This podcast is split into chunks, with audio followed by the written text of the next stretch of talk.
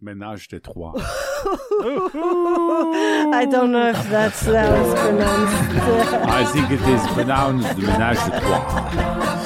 Mais bien. D'accord. Ok. Etter en beinhard kveld i teateret spør vi livepodkast aldri igjen. Svaret jo. Det kommer masse mer. Ellers, eh, Norge er i ferd med å få ei fattigdomsbølge vi knapt har sett siden krigen. Kunne det vært forhindra? Og hvorfor skulle Kari Nessa Nordtun reise til Oslo for å redde Arbeiderpartiet? Det er tross alt Oslo.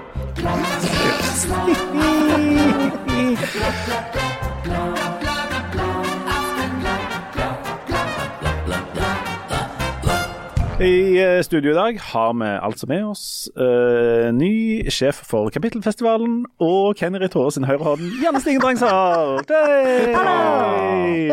Og så har vi den neste lederen av Kapittelfestivalen etter der igjen, og uh, Borglis høyrehånd, Jansson. Og så er jeg med. Samme nest, eller fjerde, eller to- tolvte største sønn, Homer Saags egen Yay! Tore!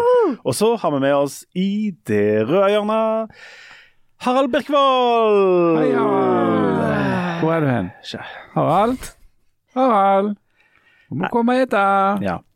Rett før vi gikk inn i Vi begynte å lete etter Vi har jo Harald. sittet og ventet her en stund. Ja, det har vi. Det må vi kunne har vi si. sittet i nesten to og en halv time og Ja, på på og tid er penger. Og vi har tørrprata. Ja. Det er så tørt nå. Å, herlig. Den Jeg praten skulle dere hørt. nå orker jeg faktisk ikke snakke med dere lenger. Nei, nei, nei. Så fikk vi altså rett før vi gikk inn her den triste beskjeden om at Harald er død. Det er så drit når det skjer rett før innspilling. Kunne han ikke ha venta til rett etterpå? Men hvem var, det hvem var det som visste det? Hvem som visste at Harald var død? Ja.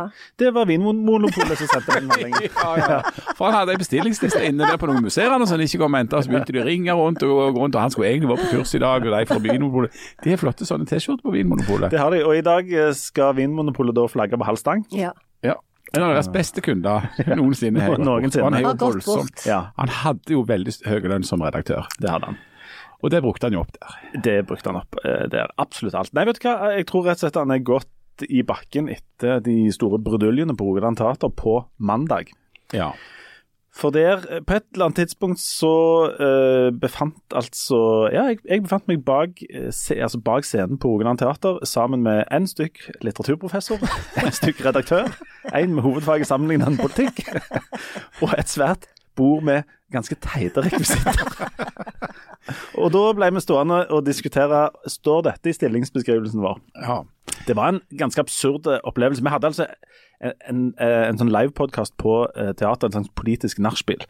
Og dette var i oppsangen til det, og det var ganske absurd å stå bak der, var det ikke? Jo, det var ganske For det hadde jeg vel ikke trodd. Altså, tingen er at på mandag Mandag denne uka sammenfalt nemlig i tid med Og dette er jo fordi sosiale mediene eh, driver og minner meg om det. Men for akkurat fire år siden på mandag så hadde Aftenbladet for første gang sitt forsøk på å ha live-podkast.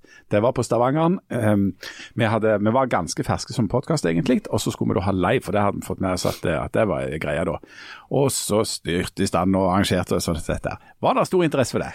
Nei, det var det, ikke. Vi prøvde å tvinge eh, venner og kollegaer delte ut mye gratisbilletter vi bare klarte, og allikevel så var det glissent. Hvem, hvem var det som var med? Å ja, nå kommer vi til det, ja. Skal vi si hvem som ikke var med, f.eks.? Ja, men var det oss fire? Nei, Nei, det var dere to. jeg tror ikke du var med. Var det ikke det? Nei, Nei. du hadde ikke begynt å være med engang. Og det er det som er forskjellen. Ja, for vi er lurt på hva som er forskjellen. Nemlig, det som er forskjellen. Nei, det var meg og deg og Jan, og så var det Hadde vi et par ordførere eller kandidater eller noe forskjellig? Ja, det lurer jeg på om vi hadde. Eh, tidligere eller nåværende, eller litt sånn forskjellig. Ja, vi hadde litt. Det var vel der denne her, eh, denne her kollektivhistorien din fra et bad rett på siden av en ordfører ja, eh, dukket opp ja, ja. til stor begeistring. Kristine Sagen Helgø var der, ja. ja, Ja. ja. Vil du ta den historien en gang til? Nei, jeg tror tenker kanskje vi skal ta, for spare den til en annen gang. Men, men tingen er at vi hadde liksom akkurat begynt, og vi prøvde med dette med live. Eh, og da var kontrasten ganske stor til nå på mandag, der det altså da var smukk utsolgt på Rogaland Teater. Eh, alle gangene vi har hatt podkast de siste gangene, har jo vært smukk utsolgt, og folk er helt sure fordi at de ikke får komme inn. Det er veldig rart, egentlig. stas. Og veldig stas.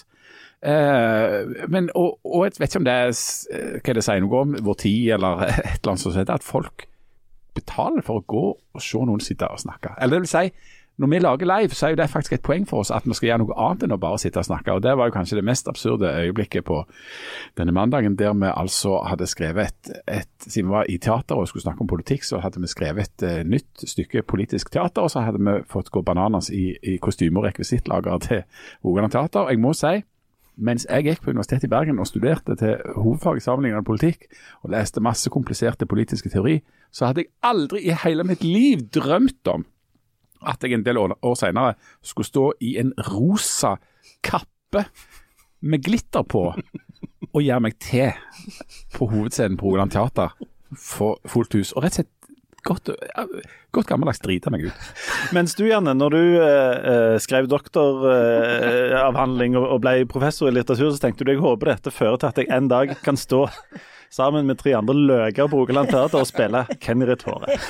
Med sånn skalla uh, hatt. Det var veld, du var veldig fin som skalla. Ja. Det er ganske, det er Men, ganske men sprøtt. det skal du ha. Jeg vet ikke om så mange litteraturprofessorer som gjør dette. Nei, For det er jo kanskje ikke Men, eh, men eh, det, var jo, det var jo veldig fint. Det var, Det var jo veldig kjekt. Det var veldig fint. Men jeg, altså, min, mitt bilde òg av professorer, redaktører og folk med hovedfag og sånt, er at de altså, kan, Du kan ikke få dem med på sånne rolls. Um, men du, du, er jo, du er jo med, du. Ja, jeg, hvis dere sier at jeg skal gjøre noe, så gjør jeg det. Så hopper du. Ja. Altså, jeg, har- jeg eier ikke skam lenger, jeg. Har jeg funnet ut. Altså, Jeg tror kanskje aldri ja, det er kanskje litt det. ja. Men har, har, dere hatt, har du hatt skam før, eller? eh? Ja, altså jeg har akkurat denne uka sett en, en film eh, som jeg skal anmelde til avisa som heter Lars R. Loll, som handler om det å være tolv år. Og Det finnes jo ingenting verre for en tolvåring. Dette vet alle som har vært tolv år eller har kjent noen tolvåringer. Det aller verste som kan skje, er jo at eh, hvis noe blir flaut. Og, og grensene for hva som er flaut, er jo ekstremt snevre. sant? Så på et visst tidspunkt i livet så er det verste du kan gjøre, det er jo å gjøre noe som kan virke i nærheten av flaut. Mens det vi f.eks. gjorde i det teaterstykket på mandag, var jo en systematisering av flaut. Ikke minst for oss sjøl og for alt, egentlig alt i hop. Tror det er vondt for de som så på òg. Ja, sannsynligvis vondt for deg. Eh, Og, og, og det flaue er på en måte en, en slags eh, kvalitet i seg sjøl. Sånn at det har jo skjedd noe på veien, heldigvis, fra å være tolv år til å bli eh, en gammel mann. Eller gammel dame. Nei, du er så unge du, Janne. Ja, men, men, det, men det er fint. Ja. Jeg fikk, men, noen, jeg fikk noen flashback til når vi for Dere har sikkert òg vært med og satt opp sånn skuespill på sånn skoler og sånne ting, har dere ikke det? Jo, jo. Jeg var jeg hadde jo drama valgfag i åttende. Jeg hadde det. Ja? Ja. Jeg, var, jeg fikk være borgermesteren i byen vår. Ja. Da tror jeg vi gikk i sånn nullte klasse. Er det, er det Torbjørn Egner? Ja, jeg tror Er det det. de der lesebøkene Ja. til Torbjørn Ja. Mm. Og der du litt sånn på rim skal fortelle om infrastrukturen i en by. omtrent. Ja, det er jo Og Jeg da- var prinsesse Villike når vi satte opp det. Du òg. Oi. Hva er prinsesse ikke for noe? Jeg vet ikke, jeg tror det er også Bjørn Egner, kanskje. Er det? Du sier sånn vil ikke hele tida, men så gifter hun seg jo til slutt likevel. Story of my life or your life. Og Nei, nei, nei. nei. Ja. Totalt uaktuelt. OK.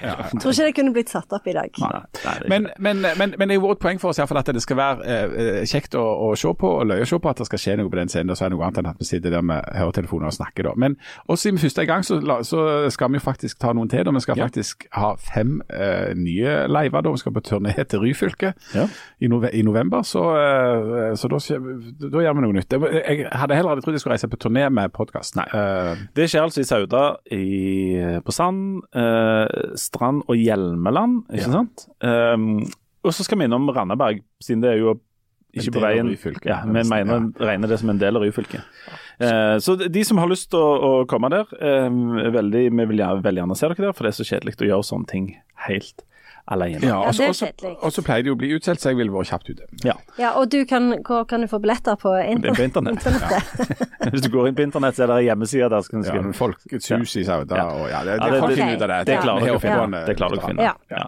Men det, det, er- det er rart at altså For oss er det litt rart at folk har lyst til å komme og sitte og se på folk som bare eh, mer eller mindre forberedt holdt jeg på å si, sitter og snakker om ting.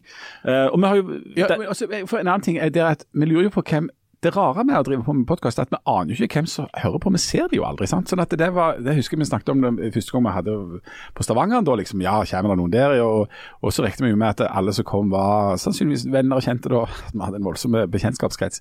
Men det er løye å se de folka. Mange av de vi har aldri sett dem før. Det er helt fremmede folk. Det er enormt stas, da. Veldig, veldig stas. Ja, det er veldig stas. Men du Janne, du har jo opplevd dette lenger enn oss, siden du har drevet og skrevet bøker og sånt, og blitt invitert rundt omkring på sånn. Ja, sant? da kommer folk Ja, ikke sant? i hopetall. Jo, men de gjør jo det. Ja, men det kommer veldig an på. Eh, fordi eh, det er jo ofte sånn at det, du, du får Du trekker mye folk på steder hvor det er etablert at det skjer ting. Sånn at da, for da er folk vant med å komme dit. Eh, og, da, eh, og da kommer de. Men det er jo mye vanskeligere på sånne små bibliotek, f.eks., hvor det ikke skjer så mye. Skulle du tro at der eh, at, at det- når det endelig skjedde noe, så kommer folk da. Men det virker ofte som det har litt sånn motsatt effekt. Så hvis det ikke skjer noe sånn jevnt over, så, så, um, eh, så kommer ikke folk. Så jeg husker jeg var på sånn Jeg var som en liten sånn bergensturné. Og da var vi på Hovedbiblioteket, og der var det jo fullt hus og kjempegod stemning. Men så var vi på Landås bibliotek. Det ligger jo i en sving der oppe. Og der var det tre stykk, og det var, også, det var meg og hun Therese som driver og tegner, og hun ene som kom, så vidt jeg kunne se, kunne ikke se. Så det var jo litt kjipt det, når halvparten av opplegget var liksom at du skulle se tegningene. Så, så, så, så det, har, det har jo litt med det å gjøre òg. Det, men det er jo en greie innenfor ikke minst kulturlivet, da, at, og det gjelder egentlig for oss som podkast òg, altså at det, det handler om å bygge publikum. Ja, du må bygge nemlig. et publikum, og du må trene opp et publikum nærmest til at de skal delta på en, på en eh, drøss med ting. I, I Stavanger så er jo Kapittel et godt eksempel på det. sant? Kapittel er jo holdt på, altså litteraturfestivalen for ja, litteraturfestival og ytringsfrihet og et eller annet, eh, som altså blir arrangert i, i, i september hvert år. Husker de aller første gangen jeg var på, på Kapittelfestivalen for eh, ganske mange år siden. Da var jeg liksom utsendt fra Dagsavisen i Oslo og skulle skrive her. Da var jeg på en sånn dagsseminar en gang der det var flere folk som deltok på scenen enn der satt i salen. sant? Det var eh, kjempepinlig. Men den eh, festivalen har, akkurat sånn som eh, litteraturfestivalen på Lillehammer, liksom bygd publikum og bygd en slags sånn posisjon og status og en slags forventning i mange mange år, eh, som har ført til at i dag så er det masse av arrangementer som var utsatt, spesielt hvis Janne Stigen Drangsholt er med på de. Um, eh, og, og folk har en sånn forventning om at det er bra, og folk stiller opp. og Denne gangen tror jeg det var liksom en sånn svak økning fra i fjor, men liksom sånn 11 000-12 000 som i løpet av disse dagene går og setter seg ned og hører på at folk snakker om bøker og om litteratur. Og Det er et resultat av bevisste bygging både av festivalen, men òg av biblioteket og Sølvberg, og at en bygger et sånn kulturhus og bibliotek så er noe annet enn en plass der folk går inn og, og blir hysja på og, og tar med seg et bok hjem. Så det er en, um, en interessant observasjon, altså. Ja, og så er det jo eh, Det som òg var litt spesielt i år, var jo at eh, festivalplassene ble jo utsolgt ei uke før, eh, før eh, festivalen begynte. Eh, og, og det er jo første gang det har skjedd. Eh, og det var jo veldig interessant det der med hvor enormt mange forskjellige arrangement som var utsolgt, og ikke bare liksom med de store navnene. Sånn Deg Janne La oss si det, var ikke ledige stoler på dine arrangementer, Janne. Jeg kan, få, jeg kan, si, det for, jeg kan si det for deg. Ja, men det var jo sånn, Jeg var jo på et sånn et arrangement eh, på, om Israel og Palestina, som var på den møteplassen. Det var smikkfullt, og det sto kø ut eh, av lokalet med folk som hadde lyst til å komme inn. Og snak, da snakket jeg med noen som hadde ukespass, og de var sånn Ja, vi er jo vant med at vi bare kan komme og slenge innom, men det var jo sånn at de måtte faktisk bruke ekstra penger for å booke en plass, eh, for å sikre at de kom inn. Så det er jo veldig positivt. Jeg husker en gang jeg sto i en kø i, på Lillehammer, da, for jeg reiste der i flere år øh, for å ha noe å sammenligne med. Eh, og Så sto vi i en kø en gang, så var det eh, to damer som sto og snakket med hverandre. Det er ikke tilfeldig at det er to damer, det er jo altfor få menn på disse arrangementer. Eh, dette er stort sett godt voksne damer, de utskjelte kulturkjerringene som jeg elsker, som er de som holder oppe mye av både sivilisasjon og ikke minst kulturlivet. Men da sto disse to og snakket, og så sier hun ene til hun andre du, kjenner du til eh, denne her eh, forfatteren her egentlig? Liksom, det er litt ukjent for meg hvem dette er. Og så svarer hun andre nei, nei, aldri hørt om det. Men siden det er på litteraturfestivalen, så er det jo sikkert bra. For det er jo alltid bra når det er her. Og Hvis du klarer å lage en, en sånn greie, at du har forventninger til at det er bra og at du går på det bare fordi det er det arrangementet, og selv om du ikke kjenner til det eller liksom er, er veldig inne i det, da har du kommet et godt stykke, altså. Men eh, hvorfor er folk, og vi òg, liksom, så interessert i å sitte og høre på to stykker som bare snakker sammen? Meg jeg gjerne hadde en sånn seanse som liksom tok utgangspunkt i boka di. og sånn. Det er smekkfullt. Der satt jo vi egentlig bare snakket laust og fast om ting som hadde litt sånn mer eller mindre med boka di å gjøre. Eh, Og det var helt sykt god stemning. bestemning. sant? Eh, og, og, og, sånn har det jo, har det jo vært liksom, litt sånn jevnt over på denne festivalen. Og der, der liksom Konseptet er omtrent så enkelt som vi gjør i denne podkasten, som setter oss ned og snakker om ting.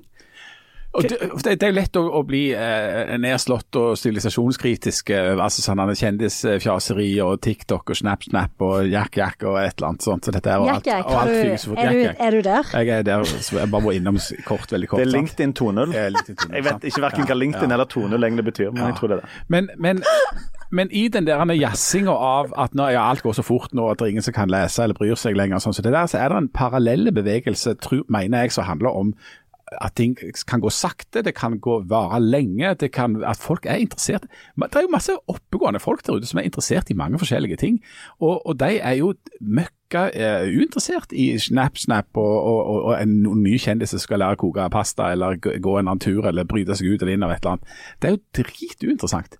Eh, sånn at det, uh, altså der stritter på en måte den der sakte og, og, og, og, krevende kulturen imot, rett og slett. Og Det, det, er, det, det er, det som er sivilisasjon og kultur i basis, og demokrati og alt det der. Men Janne, Betyr dette at folk òg øh, liksom hiver seg over bøker og leser øh, de lange romanene og bruker lang tid og reflekterer rundt Stokkavann og sånn?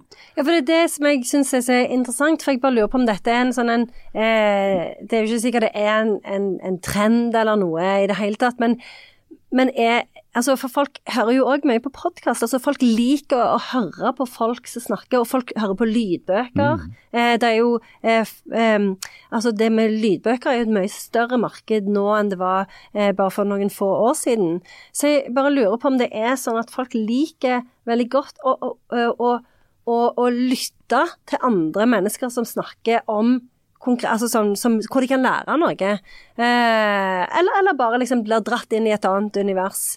Eh, fordi at det, en, en, ser jo at det, eh, Altså, vi leser jo kanskje jevnt over mer tekst enn før, men vi leser jo mindre litteratur enn før. Og det var jo Vi har jo snakket om det før, men det var jo en sånn en eh, artikkel eh, fra The New Yorker tidligere i år hvor de snakket om, om, litteraturens rolle, og at det er færre amerikanere som tar og studerer engelsk litteratur enn det var tidligere.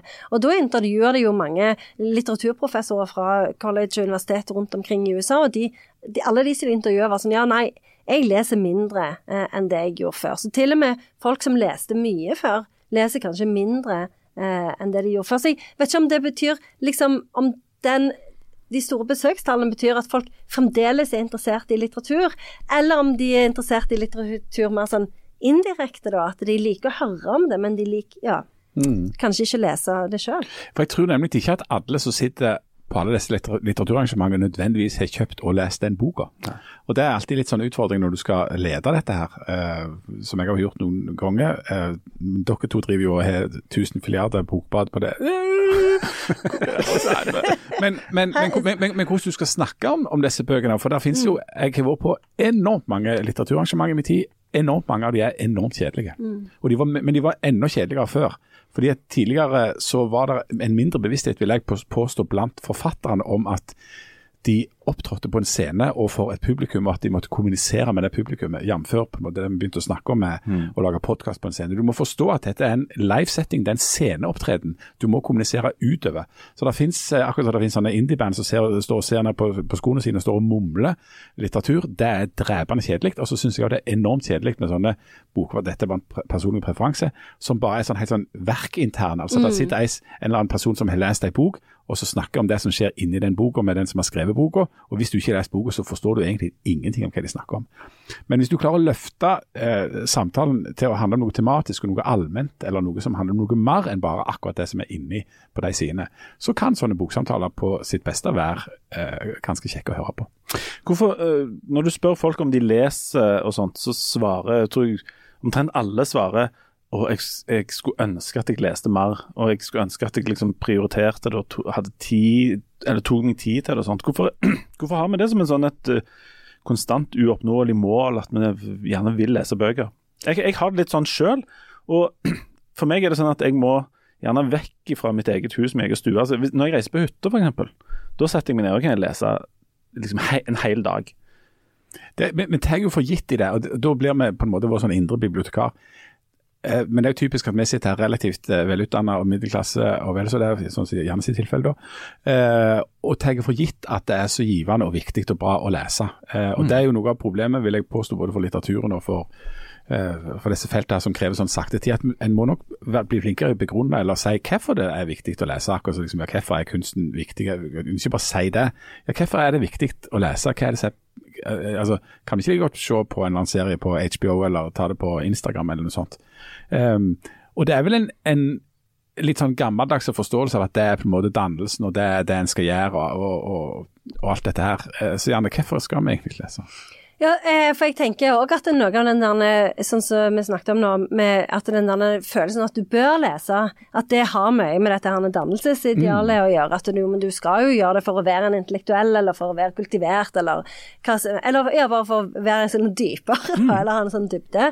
Men men, men, litteraturen er jo Altså, grunnen til at litteraturen fins, grunnen til at fortellinger fins, og grunnen til at vi alltid har fortalt fortellinger, eh, er jo at det, det, hjelper oss jo å forstå mer av oss sjøl, hverandre og omverdenen. Og så er det jo dette her òg med at det Altså, de har jo gjort noen sånne studier på dette her med altså, hva, at litteratur eh, i større grad enn TV utvikler vår empatiske sans, fordi at det er noe med Altså, når du ser på TV, så ser du folk fra utsida, mens når du eh, leser litteratur, så går du inn i hodene deres, og så skjønner du liksom at det, de menneskene som er rundt deg, at de òg er subjekter, og at de òg har et indre liv. Det er ikke bare du som har det, mens alle de andre er litt sånn pappfigurer.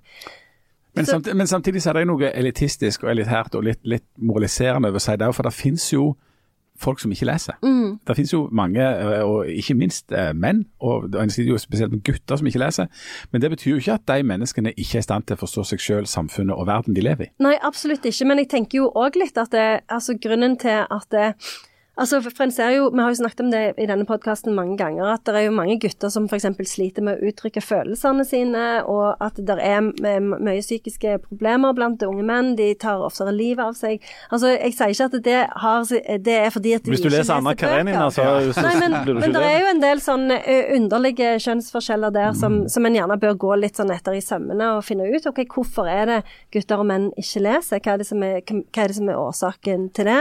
Uh, uh, så, så det er jo veldig interessant. Men det er jo, det også liksom sånn, for det, det med lesing er jo òg eh, politisk. Sånn som denne uka så har jeg jo eh, undervist eh, Chimamanda Adichie ah, sin litteratur. Ja, Chimamanda, vet du. God gamle Chimamanda. hun, hun, hørte jeg på Meyers uh, sammen med Ytre Sulen. Ja, eh. også på xylofon, det var et veldig uvant instrument. Nei, men Bare dikt opp navn, du, Janne. Ja, bare si noe om hun Chimamanda. Hun er jo fra Nigeria. Ja, som alle vet. Ja. Sagt, alle visste det. Og I Nigeria hadde de jo et uh, britisk skolesystem, så de leste britiske bøker. Hun vokste opp med britiske barnebøker. Og da leste hun jo om uh, ting som foregikk et annet sted.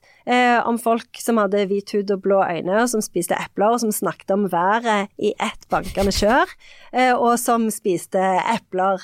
Mens hun spiste mango og snakket ikke om været fordi det var ganske sånn stabilt vær. Det var bare ett vær. Ja. ja. så hun, eh, når hun begynte å skrive sjøl, så prøvde hun å skrive eh, som basert, altså basert, på de bøkene. Så uh, mora måtte alltid lese de tekstene og var liksom sånn ja ja, kjempebra, men liksom det, dette gjør meg jo ingenting. Så hun måtte jo liksom ta det steget da, og begynne å skrive om seg sjøl og sin egen situasjon og eh, si, si, sin egen opplevelse av verden. Og først da ble det jo litteratur. Det, og det er jo liksom, det er jo der, derfor hun sier litteratur er viktig, fordi at vi trenger alle fortellingene. Vi trenger liksom fortellingene fra fra, fra eh, alle steder i verden, fra eh, alle forskjellige erfaringsrom. Eh, og, og, når vi har det, så skjønner vi jo at verden er et komplekst sted. Og det er jo det, som, det, er jo det litteraturen gjør. Fordi at den forteller jo det lille, og så, så gir det oss eh, en forståelse av at verden er mye mer komplisert enn vi trodde. Og så er jo lesing og språk det er jo nøkkelen til hele verden. Hvis du skal klare å manøvrere deg i samfunnet, så må du ha leseferdighet på et visst nivå. og Det er det som er problemet med hvis folk ikke leser og ikke behersker lesing.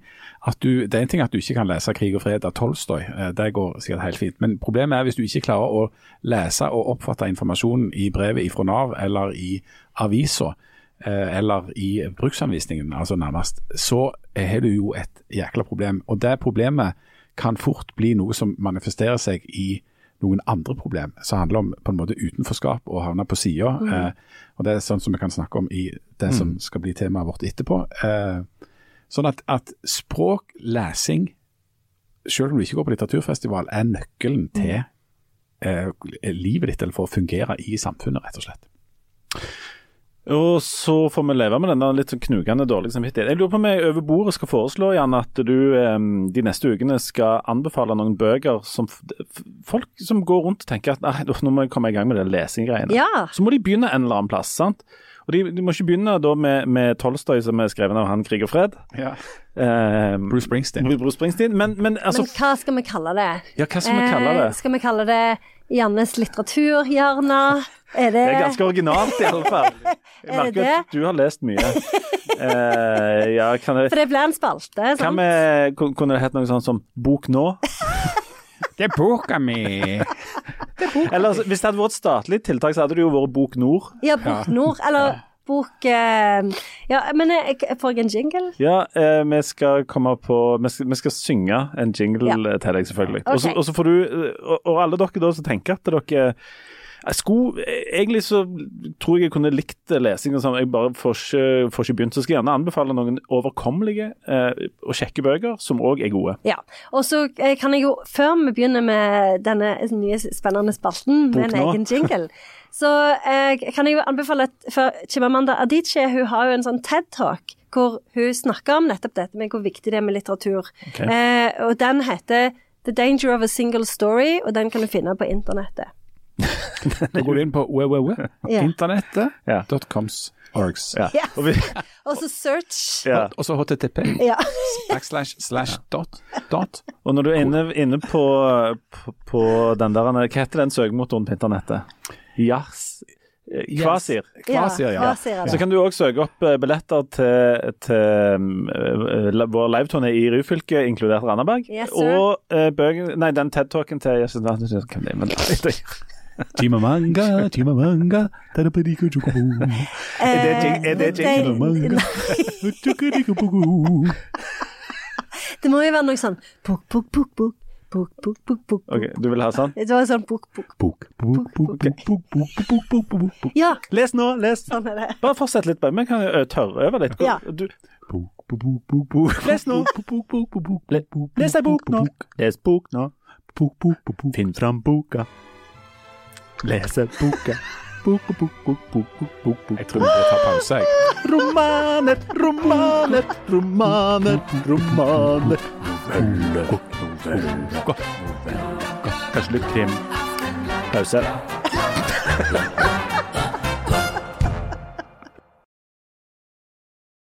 Bla, bla, bla, bla, bla, bla, bla veldig direkte, direkte tingen. Dette står heller ikke i, i stillingsbeskrivelsen. Jeg bomma på én note i forhold til det man hadde planlagt. eh, man hadde skrevet det verket. Har du blekkene på den du, som jeg kan Ja, det var en sånn eh, Det, det er meg der som røyk. Og hjertelig velkommen eh, tilbake igjen. Vi har i pausen eh, hatt et, en slags workshop på, på jingler til Das Jannes workshop. Das Ja. workshop. til Jannes uh, nye kom i gang med å eh, lese spalte. Uh, men nå må vi Jeg føler ikke det er det den skal hete. Kom i gang med å lese spalte. Det Det, må være mer straff. catchy. Ja. Noe mer snappy. Du får faktisk ansvar sjøl for å finne ut hva dette okay. heter, så skal vi, meg og Jan fikse, fikse jingle. OK. Uh, vi må vi har et par andre ting vi må ta, ta tak i her. Det første som vi skal innom, bare en liten sånn kort eh, ting som, har, som noen ganger irriterer oss som f.eks. bor en annen plass i Norge enn Oslo, det er at alle tings endemål, eh, og hvis du har lykkes med noe en eller annen plass i Norge, så eh, plutselig så finner noen at ah, nå må du reise til Oslo og ordne opp der. Sånn er det jo for um, folk som lykkes med alt mulig. Hvis du er er musiker eller driver med eh, alt mulig. Skådespill. vi- Det er sikkert rett før vi får en telefon fra Ikke? Nationaltheatret. Ja. Og nå er det, nå er det da eh, Stavangers eh, ordfører i ca. tre uker til, Kari Nessa Nordtun, som eh, er nødt til å flytte til Oslo fordi at eh, hun har vist seg å virke Riktignok så godt at hun tapte et valg, men eh, har vi- vist seg å virke i Stavanger. Og dette Arbeiderpartiet, Jan, som er i enten krise eller ikke krise, alltid hvem du spør, eh, de trenger eh, nytt blod. Og da er det jo Kari Nesten Nordtun hun er nødt til å flytte til Oslo for å ordne opp i det de ikke får til. Sånn Ja, ja, for at, uh, vi har jo hatt et lite intermezzo med han der Sindre som finnes. Ja. Uh, men uh, det som jo før førte det, før det på en måte dukket opp, så var jo den store historien at det har gått biringt med Arbeiderpartiet i dette valget. sant? De gjorde sitt dårligste valg på aldri den tid, og det er for første gang på 99 år Norges, ikke Norges største parti lenger. sant? Eh, og Så eh, kan en drive med sånn semantiske diskusjoner av hvorvidt det skal kalles en krise eller et problem eller en utfordring eller ditt og datt. Eh, men tingen er at Arbeiderpartiet må jo ta tak i hva er det som gikk gale, og hva skal vi gjøre med det. Og En slags start på det var nå på mandag denne uka, der det var møte i landsstyret i eh, Arbeiderpartiet borte i Oslo. og Der snakket Jonas Gahr Støre, statsminister og partileder og, og, og alt det der, voldsomt om Kari Nessa Nordtun. Fra første setning. Fra første setning. fordi at sant, Mens eh, Arbeiderpartiet da gjorde det kjempedårlig i Norge, så gjorde de det kjempegodt i Stavanger. Så plutselig så har Kari Nessa Nordtun blitt en slags superstjerne i dette partiet, og en slags sånn redningsperson. Og, og nå, nå er det liksom rett før hun må tas over der. Og så er jeg litt usikker på helt eh, jeg, er litt, jeg er usikker på mange ting rundt akkurat det. Eh, for det første så er jeg litt usikker på hva det er da Norges Arbeiderparti eventuelt skal Altså, hva kan du lære av Stavanger? Jo, det er lurt å ha f.eks. en populær person eh, som leder det. Eh, ei, eh, gjerne ei ganske ung, dynamisk, flinke dame eh, som tenker seg godt ut på bildet, og så kan henge rundt eh, omkring, og som er godt likt. Det tror jeg er kjempelurt. Eh, men det er jo ikke jeg vet ikke, det er helt løse. Eh, og så, og så, og så, men så har en jo da i Stavanger da også klart å gjennomføre eh, sannsynligvis en hel del politikk. Og har gjort det en slags sånn regnbueallianse. Jeg vet ikke om det er det de skal lære av da. Eh, Arbeiderpartiet er jo i en slags allianse sentralt i Oslo. Det går svært dårlig. Så jeg er jo litt usikker på det. Sånn at men men det, det illustrerer for det første trua, eller den, den tendensen i vår tid til å peke på en eller annen person og tro at ja, nå er det den som løser det, og også trua på at eh, hvis noe virkelig skal bli løst, så må vedkommende flytte til Oslo og begynne i et annet departement. Jo, for hvis du sier si at hvis du gjerne var Si at du var ordfører i Stavanger, da. Ikke en helt unaturlig tanke, spør du meg. uh, og så, uh, og så ringer, ringer de Får du denne telefonen. Hallo, det er fra ei, ei synkende skute borte på Oslo.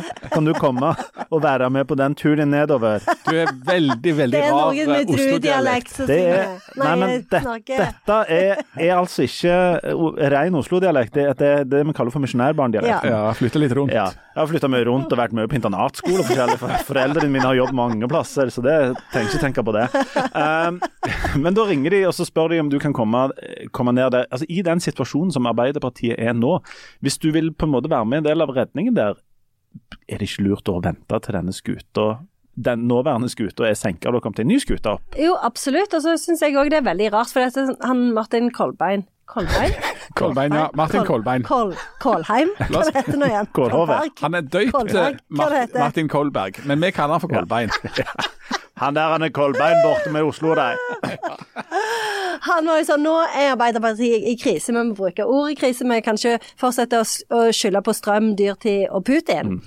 Men, og da tenker jeg, men det er jo ikke å gå inn og begynne å analysere og finne ut av hvorfor er det ingen som stemmer på Arbeiderpartiet, hvis de bare skal hente folk Ja, rundt omkring fra andre steder og sette de inn og være sånn.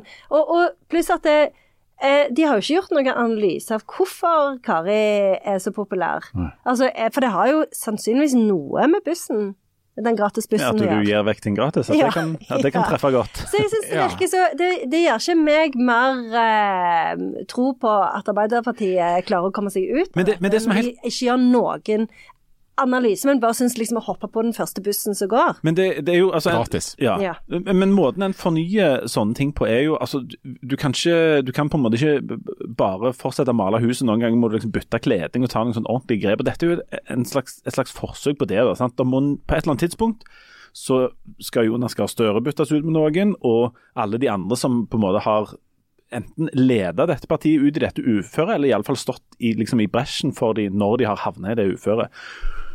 Og vi som sitter på, på berg og knaus rundt omkring i, i den produktive og lønnsomme delen av landet, sånt, vi sitter jo her og roper på at herlighet, nå, nå, nå må vi få være med og styre og sånt. Og med en gang det kommer noen som sier at ja, må, ja kom og bli med, så blir vi òg litt sånn «Ei, Hæ? Skal dere komme, trenger ikke komme her og komme her og, og tro at dere kan hente de som, de som vil, bare fordi dere ringer med sånn misjonærbarndialekt og, og, og vil ha oss med og sånn. Men Hei, det er Frode. ja, ja. Jeg ringer fra statsministerens kontor. eh, Jeg lurer på om jeg har dere noen der borte som virker. Det, er- men, men Kari Nesse Nordtun er vel, og etter det som har skjedd i Stavanger, en sånn typisk person som Arbeiderpartiet er nødt til å se på om kan være med på, på og, og Vi kan si hva vi vil om, om geografi og at vi er viktige, og sånt, men de virkelig store tingene skjer jo i Oslo. Så det er ikke så unaturlig at den tanken dukker opp heller. Nei, han er jo ikke det. Og det, er jo, det har jo vært et problem en god stund for, for Arbeiderpartiet at det har vært vanskelig å peke ut eller se helt hvem det er som er arvtakerne. Uh, I en periode så, så det ut som, det, som at Hadia Tajik i hvert fall sitter fra sånn Gjesdal og, og Bjerkreim og sånt, at hun kunne være uh, løsninga på dette. Og Trond Giske sett ifra Ja, Trond Giske sitter ifra- varetekten. Det var ikke meningen å si. Men, det var stygt sagt. Ja. Eh, Fra Trøndelag og sånt. Sånn det, men, men så er det eh, så Sånn arverekkefølge er jo komplisert i ethvert parti. Men så er jo noe av komplikasjonen er jo at sitter ifra både her og der, så, så så er jo det der politiske livet og spillet det er jo noe annet i Oslo, da. sant? Sånn, sånn at eh, hvis vi, vi har jo tro på å sende våre folk til sånn Rogalandsbenken eh, borte på Stortinget der, sant? og så av og til så, så henger en opp saker med denne Rogalandsbenken, og ja, nå må dere ordne opp i dette her. og nå Vi har til og med fått en landbruksminister nå, og det er ikke måte på. Nå er det noen rogalendinger der. Men så viser jeg at det, er jo ikke nok at det bare er én eller fem eller åtte fra Rogaland som sitter på en Rogalandsbenk. Der så er jo 158 andre som sitter på Stortinget, som kommer fra sine fylker. da. Så, så, det, så det er jo en, en mer komplisert plass å manøvrere da. En, altså det, det er mer komplisert å være med og, og styre dette, et land enn f.eks. en by. Men, men, men Byen er en god øvelse, og det er en, eh, hvis du får opp folk der som virker og som klarer det, og som akser det, og som er en ny generasjon, så er det helt åpenbart at, at eh, Kari kan være en ny generasjon og kan være noe som peker framover for, for eh, Arbeiderpartiet. Og Det er jo enormt viktig at både Arbeiderpartiet og alle andre partier er oppmerksomme på sånne suksesshistorier rundt omkring i landet. Men, men det er samtidig ikke en quick fix, og det er, og det er ikke sikkert at timinga er den helt rette. og, og det, er liksom, det, det er en litt sånn sakte bevegelse i det òg, da. Eh, og Der er det nå bedre å ha flere å velge i. Nå har jo, er jo Tonje Brenna og et sånt annet eksempel da, som har blitt løfta fram. sant? Men, men, men en ny generasjon, og noen må jo komme etter både der og i Høyre etter hvert. altså. Så, men eh, eh, har du noe, mm, har du noe veldig har det mye å bety for oss som bor på denne kanten av landet, at de som eventuelt skal være med å styre dette framover, er fra vår kant av landet? Altså, Hvor viktig er er det? det for hvis du havner i Oslo, ulempen der er jo at du, da må du jo ta hensyn til sånne helt marginale plasser som Drammen og Dombås og Mo i Rana og, og Bykle og forskjellig. Du, du sitter jo ikke der som en sånn, kun som en sånn representant for f.eks. da eh, Madla kommunedel, eller Nei, vi gjør jo ikke det, men poenget er at hvis det ikke er noen representanter verken fra Drammen eller Dombås eller Bykle eller Stavanger eller Rogaland eller noe sånt, så høres jo ikke de stemmene i det koret da. Og Dette er jo et kor som skal synge eh, i lag sånn til slutt, men det er viktig at det er med alle de stemmene. Eh, og Så kan jeg diskutere på noe hvor stor effekten er, men jeg tror det har noe effekt. Og det er viktig at, at eh, hele landet er representert eh, rundt det der bordet. For det at alternativet er jo rene Oslo-dominans, rene østlandsdominans. Og da er vi iallfall opp shit creek her. Så har denne, denne regjeringen har jo da sittet og styrt mens eh, ting har begynt å gå litt nedover i Norge. Det må vi vel kunne si. Og så eh, er det en stor diskusjon om hvor, hvor mye skyld de har i dette. Um, men på Er det med tirsdag skyld eller ansvar? Skyld eller ansvar. Ja, to, helt- og to helt forskjellige ting. Og unntatt hvis du er Ja, vi, vi orker ikke. Nei, vi vi burde ikke. sikkert snakket Nei, nei, Vi burde sagt nei. masse om sånn Erna og, og Sindre, og at han Nei, men er ikke vil det litt sånn oppgi nå? Jo. Og, så, og Ja. jeg klarer ikke å holde fulle lenger om han ikke Altså, har det eneste eneste vi trenger å vite om den saken nå, det er at han burde satt i pengene i fond. Ja. Ja. Ja. Note to self. Ja. Global, det er globale aksjefond så er det lureste for deg for å få budsjettet til å gå Indeksfond for det er så lave kostnader. Indeksfond. Lave daglige kostnader, og derfor tar jeg denne kontrakten og river i to. Vi skal ikke OK, det var Hallgeir eh, med Det er eh, kanskje den dårligste eh, Var det det? impersonation av Hallgeir Kvassheim jeg noen gang har hørt. Ja, Har du en eh, på lager? Nei. Men Hallgeir Kvassheim, eh, det det ser ut dessverre til å bli godt med kandidater til, til hans program, fordi at folk begynner å få alvorlige problemer med økonomien. Eh, På tirsdag så lanserte eh, SIFO eh, en rapport som viser at nordmenn sin eh, økonomiske situasjon er marginalt bedre enn i mars, faktisk. Bitte litt. Men det som er ganske tydelig, er at de som sleit fra før, de får det bare verre og verre og verre. Og En av forskerne bak denne rapporten sier at dette her er kritisk, og har òg begynt å trekke sånne linjer til sånn ja, dette kan bli den verste sånn fattigdomsperioden etter krigen. Eh, og da begynner en jo å himle litt med øynene. 100 og fe- over 150 000 husholdninger i Norge er ille ute økonomisk. Eh, er, det er tre ganger så mange som var det før pandemien. Og Dette er jo et, blant annet et resultat av 13 rette, rentehevinger, økte priser på mat, strøm og drivstoff, som gjør at eh, etter hvert folk som er ganske vanlige, dukker opp i matkøer og sånne ting. Altså Vi er i ferd med å få ganske mange fattige i Norge. Er, er, dere, er vi enige så langt? Ja, ja men, det, Men, men du, det- det nå kommer an- Jan sitt vanlige komma. Ja, det går, ikke, det går ikke an å være uenige i de tallene der. Eh, samtidig, Det er facts. Ja, men samtidig er det sånn at det er jo altså færre som tilhører den kritiske gruppa enn det var i mars, sånn at tallet altså går ned. Det går ikke opp, selv om det høres litt sånn Mm. ut når du snakker nå. Og så er tallet på de som klarer seg godt, har gått ganske markert opp. Mm. Så det er altså 1,3 millioner husholdninger i Norge som er trygge og klare. Eh, så, og, og flere nå enn det var før. Sånn at det store, store flertallet, som det har blitt flere av, klarer seg godt. Tallet på de som klarer seg, eh, som, er, som, er, som det er kritisk for, har gått ned. Men det interessante er på en måte forskjellen i de to nivåene. Altså at avstanden mellom de som klarer seg godt og de som klarer seg dårlig, øker. Og Det er jo det som er på en måte noe av det alarmerende. Det er ikke, det er ikke antallet som har økt, men det er graden av forskjell mellom de. For vi er inne Og, og, og, interessant nok, dette skjer altså på Arbeiderpartiets vakt. Arbeiderpartiet, som er et sosialdemokratisk parti som snakker om at alle skal med. Eh, Dette er jo òg et politisk problem for Arbeiderpartiet at de ikke klarer å fikse. Og Arbeiderpartiet er jo òg tufta på en, eh, ideen om å motvirke det som heter Matteus-effekten. Ja. Den som meget haver, skal meget gives. Ja. Og den som lite haver, skal tas fra det lille han allerede hadde. Og det er jo det som skjer, er at de som allerede sliter, sliter mer. Og det er jo, hvis vi skal peke på et problem her, så er det jo nettopp det. sant? At de som eh, allerede var litt ute og kjørte, de får det bare verre og verre. Og det fører til, ifølge den undersøkelsen, da, at eh, folk kutter ned på strømforbruk for å få råd til mat. Eh, folk må redusere matforbruk, eh, redusere sosial omgang, droppe tannlegebesøk og legebesøk, mislighold av regninger og tar unger ut av fritidsaktiviteter. Um, og ikke minst må låne penger for å dekke helt vanlige ting. Og Det er jo oppskriften på å få det fryktelig dårlig. Og der, Hvis du kobler det på en annen, eh, et annet tall som kom opp, eller en annen undersøkelse som kom- opp denne uka, som handler om hvor mange barn og unge som faller utenfor skole og arbeid, så viser det en veldig økning nå i Rogaland, selv om tallet er lavere enn det var før pandemien. Men altså pandemien har virkelig ikke virka godt inn på den gjengen heller. Eh, Det, er 6% av husholdningene som er kritiske, eh, på det kritiske nivået i den SIFO-undersøkelsen. Det er rundt sånn 5% av de unge som faller utenfor eh, arbeid og skole. Tingen er at De to henger sannsynligvis veldig tett i sammen. Eh, når en snakker om disse unge som faller utenfor, så, så er en av forklaringene at de kommer fra hjemme som allerede har falt utenfor. Det er der det er problem eh, allerede. da. Og Der ligger det noe som eh, Gud- Gudmund Hernes i sin tid kalte for ulikhetens reproduksjon.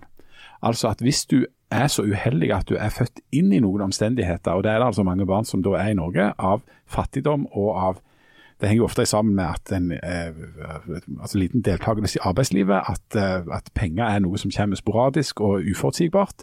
Altså Dårlig tilknytning til arbeidslivet er den viktigste forklaringa på, på fattigdom, som igjen sannsynligvis i dette tilfellet henger sammen med språk. Altså Fungerer du i arbeidslivet, eller skal du fungere i det norske arbeidslivet, så må du beherske språk og, og liksom fungere på den måten der. Hvis du er født inn i noe sånt, så er sjansen større for at du sjøl ramler utenfor. altså at den ulikheten som du er født inn i, blir reprodusert gjennom din egen generasjon. Og Det er jo en av de helt store utfordringene i et eh, velferdssamfunn. Hvordan du skal klare å bryte den onde sirkelen, hvordan du skal klare å løfte folk opp til å klare seg, og at ungene deres også skal klare seg og ikke falle utenfor. Ja, for det er jo en kjempestor utfordring. og sånn så, eh, eh, Grunnlaget for sosialdemokratiet er jo i stor grad dette her med eh, ta én flink og én dårlig, og så lager du ei middelmådig gruppe. Eh, og når du har dette her store spriket mellom de som har det aller best og de som har det aller dårligst, så er jo det, det er en kjempestor trussel for det samfunnet som vi både har vært vant med, og som vi jo gjerne vil ha. Og selv om det er jo andre land som har det enda verre, nå sånn som England f.eks., så er jo denne cost of living crisisen enda større enn den er her. Og der òg er det jo masse snakk om dette her med at det, eh, en har veldig mange barn og unge som faller utenfor. Eh, folk søker seg ikke til universitetene og tar utdanning i så stor grad som før.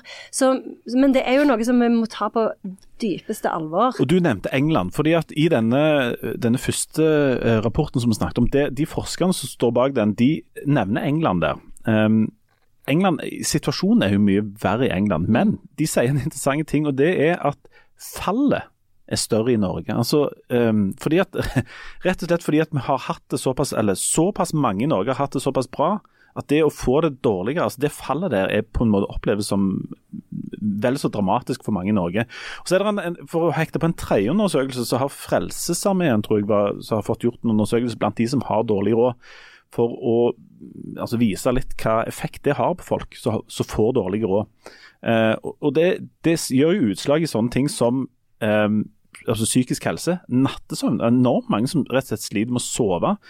Eh, Uh, og Barn i lavinntektsfamilier blir altså isolert. Altså de, gå, de, går på skolen, men der stopper på en måte det sosiale livet. fordi at eh, Foreldrene har ikke midler til å kunne være med på det andre. Uh, og så svarer altså syv av ti av de som sier at de har dårlig, dårlig råd, opplever håpløshet og mangel på framtidstro. Altså, de tror ikke det kommer til å bli bedre. Og Det høres ut som oppskriften på noe veldig, veldig, veldig dårlig. Og noe som vi burde ha kjempa mot med absolutt alle midler. Er, det, er ikke dette jobb nummer én for politikere i Norge? Jo, det er på en måte, altså, jo, det er jobb nummer én for politikere i Norge. Så det, men så er jo igjen problemet da at det er lett å si noe sånn populistisk om hvordan dette skulle bli ordna. Altså, grunnen til at, at, dette er komplisert, er jo fordi det er komplisert. sant? Um, det er jo en hel del nå som vil oppleve økonomiske problemer som en følge av økt rente, f.eks. Eh, grunnen til at renta øker, det er jo for å ta ned inflasjonen, som jo er noe annet som gjør det vanskeligere for folk å leve. Hvis, altså det at, folk, at ting blir, alt blir dyrere? Ja, alt blir dyrere. Måten å ordne det der med, eller, eh, altså Et økonomisk virkemiddel for å fikse eh, at det ikke skal bli dyrere, er å sette opp renta, som jo fører til at lånet ditt blir dyrere. Eh, men en, en, annen enormt viktig faktor i dette er å prøve å få disse tingene til uten at det blir så stor krise i økonomien. som den, den virkelig store krisen i økonomien er hvis folk blir arbeidsledige. Altså hvis det ikke er et næringsliv som går rundt. For den aller viktigste igjen, tingen for at folk skal klare seg selv, det er at de har jobb. Vi har jo rekordlav arbeidsledighet nå, som er kjempebra for økonomien. Alle disse tingene henger voldsomt sammen med hverandre. Så er det sånn, du, så kan en si, Nå, nå har en økt noen av disse satsene for en del av disse som er aller mest vanskeligstilte. Men, men der er det noen grenser for hvor mye skal du øke, og hvor mye skal du betale folk f.eks. For, for, uh, altså, for ikke å arbeide, f.eks. Uh, eh, altså, skal, skal, skal, altså, hvor mye er, er, for lite, hvor mye passer, og, på, og hvor mye er på en måte for mye, sånn at du nærmest stimulerer til, eller, eller at det ikke at de, altså det, det, må være noen push- og pull-faktorer. for, altså Målet til slutt er jo at folk skal klare seg selv, men at de som har behov for hjelp, skal hjelpes men, av velferdsstaten. Men, det er jo på en måte det sosialdemokratiske men målet. Men når vi ender opp i, i, disse situasjonene her, så virker det ofte som om det er et mye større problem at de, fattige, de som er fattige, kunne få litt mer penger enn at f.eks. de aller rikeste blir enormt mye rikere. I den perioden vi har vært gjennom nå, koronaen og alt dette her, så har f.eks. de tre familiekonglomeratene som eier dagligvarebutikkene i Norge, de har blitt enormt mye rikere. Mm. Um, og dette, Nå skal jeg eh, være sånn talerøy for partiet Rødt, som ja, jeg hadde en, ja, Vi snakket om populisme. Ja, ikke sant. Kjør på. Som jeg, jeg var ute en, en dag med, med, et par av de og hørte hvordan de snakket om disse tingene. Og Der er jo en slags sånn gjennomgangsmelodi at de 13 milliardene som disse familiene har tjent ekstra nå når prisene har gått opp og koronaen har vært sånn, det er omtrent det som trengs av tiltak for å gi de som har aller minst, nok penger til at de kommer liksom over den der verste kneika. Og eh, F.eks. Mimir Kristiansson, den røde fare eh, og Red Bullen fra Stokka. Han er jo en av de som argumenterer for at hvis, hvis, folk har lite penger, så er det en måte å løse det på, nemlig å gi dem noen penger. Um, særlig da for Norge, som har noen penger. Ikke det, kunne ikke det vært en måte å fikse det på? Altså, hvis, si, at, at du mangler 4000 for å betale regningene dine i måneden. Her har du 4000. Det som er svakheten i eh, venstresiden populistiske sitt resonnement rundt akkurat det der, er at eh, hvis du skal ha noen penger å gi, så må de pengene ha blitt skapt først. Det er det som er eh, det kompromisset som ligger f.eks. i Arbeiderpartiet og i den sosialdemokratiske tilnærminga. At hvis du skal omfordele, hvis du skal gi eh, støtte til de som trenger det, så må, du, så må de pengene skapes en annen plass. Og Den plassen dette blir skapt, er ikke det offentlige. Det er i det private næringsliv. Rett og slett i kapitalismen. Sånn at det går an å snu på det og si at hvis det var sånn at de familiene som driver dette, uh, disse, altså driver med, og det, kan, og det, er veldig lett å peke på noen som er enormt rike, og jeg er helt enig i at mange av de er uanstendig rike og, og, og, tjener kolossalt masse penger. Men altså, hvis det ikke hadde lønt seg for dem å drive business, så hadde de jo ikke gjort det. Og tingen er at Det at de driver disse eh, businessene sine, om det er et, et, oljeselskap eller om det er et matvareselskap, da sysselsetter de altså en hel drøss med folk. sånn at, det, at, at det skaper jo verdiskapning, og at alle disse folka klarer seg som jobber i dette. altså Arbeidsplassene, altså at hele det næringslivsgreiene går rundt, som er arbeid som blir skattlagt, som er det som er med på å finansiere velferdsstaten. Så synes jeg jo altså, så er det jo sånn i Norge, og det bør være sånn, at du, jo mer du tjener, jo større evne har du òg til å betale skatt. Og Så kan en diskutere hva som er det beste skattesystemet. Det har det vært en, en ny sånn skattelovskommisjon som har kommet med noen forslag, eh, som jo stort sett har bare havna i, i, skuffen da. Det er jo en sånn evigvarende diskusjon.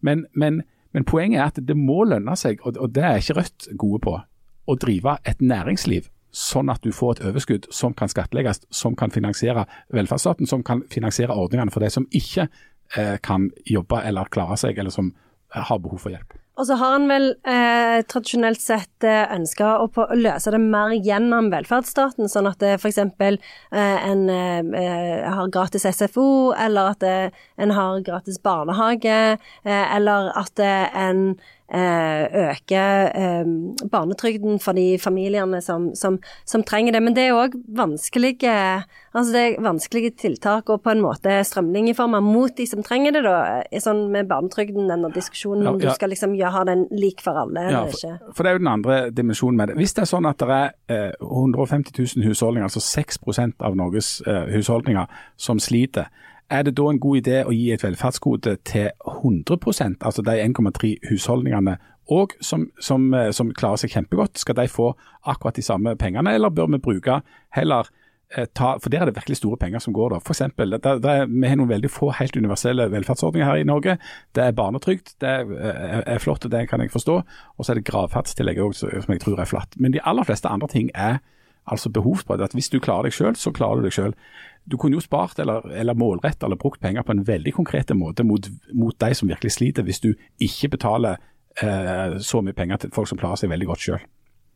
Men det, men det strider jo totalt imot eh, den populistiske Rødt-politikeren Mimir Kristiansen. Hører, hører den der litt sånn skrabete lyden, så er det Harald som roterer i sin grav. Ja.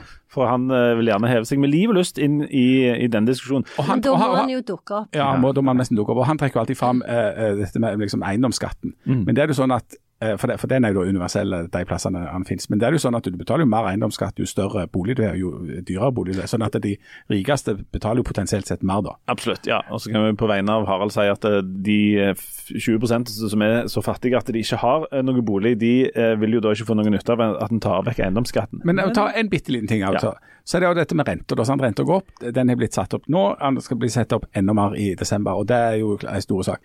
Men det er det jo vanskelig å glemme da Eh, og, og Da må vi jo nordmenn på en måte gå litt i seg selv. Vi er jo også verdensmestere i å ha tatt opp gjeld. Og Det er fordi at vi sannsynligvis har fått et litt urealistisk forhold til hva det der med å ta opp mm. gjeld er.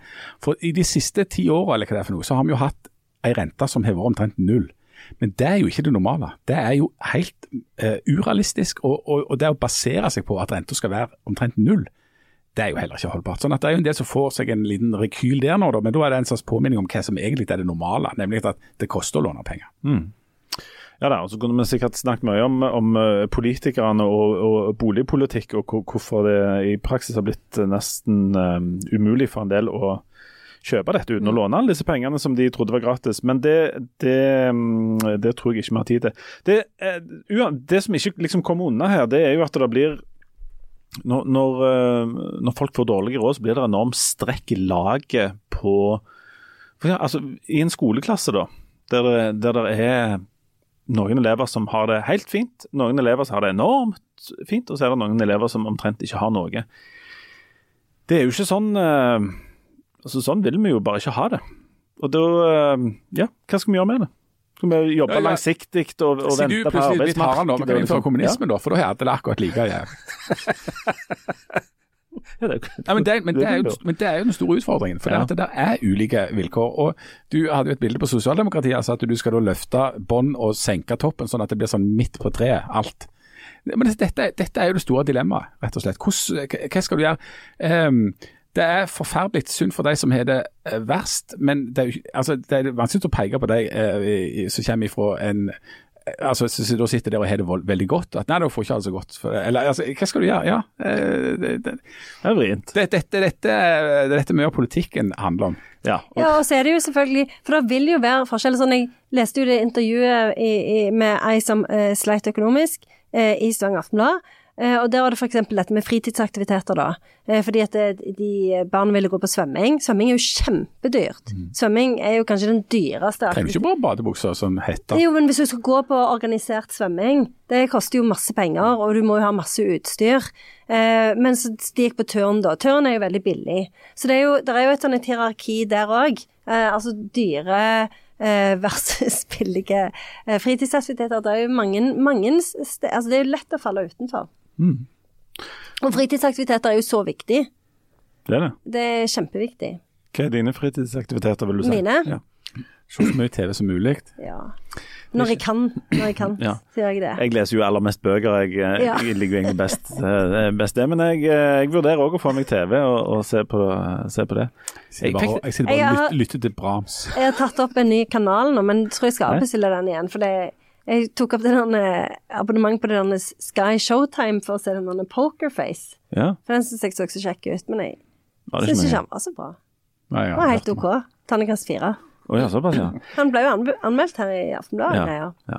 ja nei, du må ikke tro på det som står i de anmeldelsene. Jeg, jeg snakket med noen for ikke så veldig lenge siden som øh, på sånn min alder pluss lite grann, som alvorlig gikk og, og, og leita etter en hobby.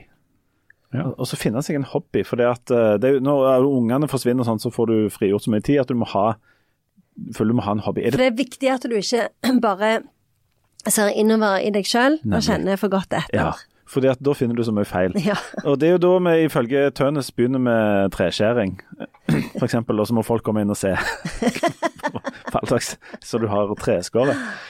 Har, har du, men har, har, Jan, du har ingen hobbyer, har Jeg har ingen hobbyer. Men jeg har tenkt på det, men det ligger noe fram i tid. Jeg tenker at liksom, Den dagen du blir sånn pensjonist, eller at ja, eller ungene ikke er der lenger, at da må jeg ha et eller annet å gjøre på. Men jeg, jeg har jo ingen hobbyer. Men vi kunne jo begynt med noe sånn teatersport Ja, det kunne vært sånn eh, i vår gruppe her. Ja, ja, ja. Ja.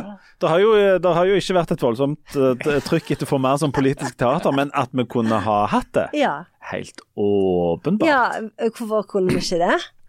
Det løy etter, når vi var på teater der, så gikk det opp for meg hvor lett det egentlig er å være Det er så lett. Det er en hatt og noe Tenk på, altså, men, men dette er Glenn André Kåda som er teatersjef oppe. Han sa dette til meg i et uh, intervju jeg gjorde med han lenge før han ble teatersjef. at det å spille teater, det er egentlig bare å ta på deg noen sånn uh, litt andre løgne klær og så gå ut på en scene i deg til. Ja.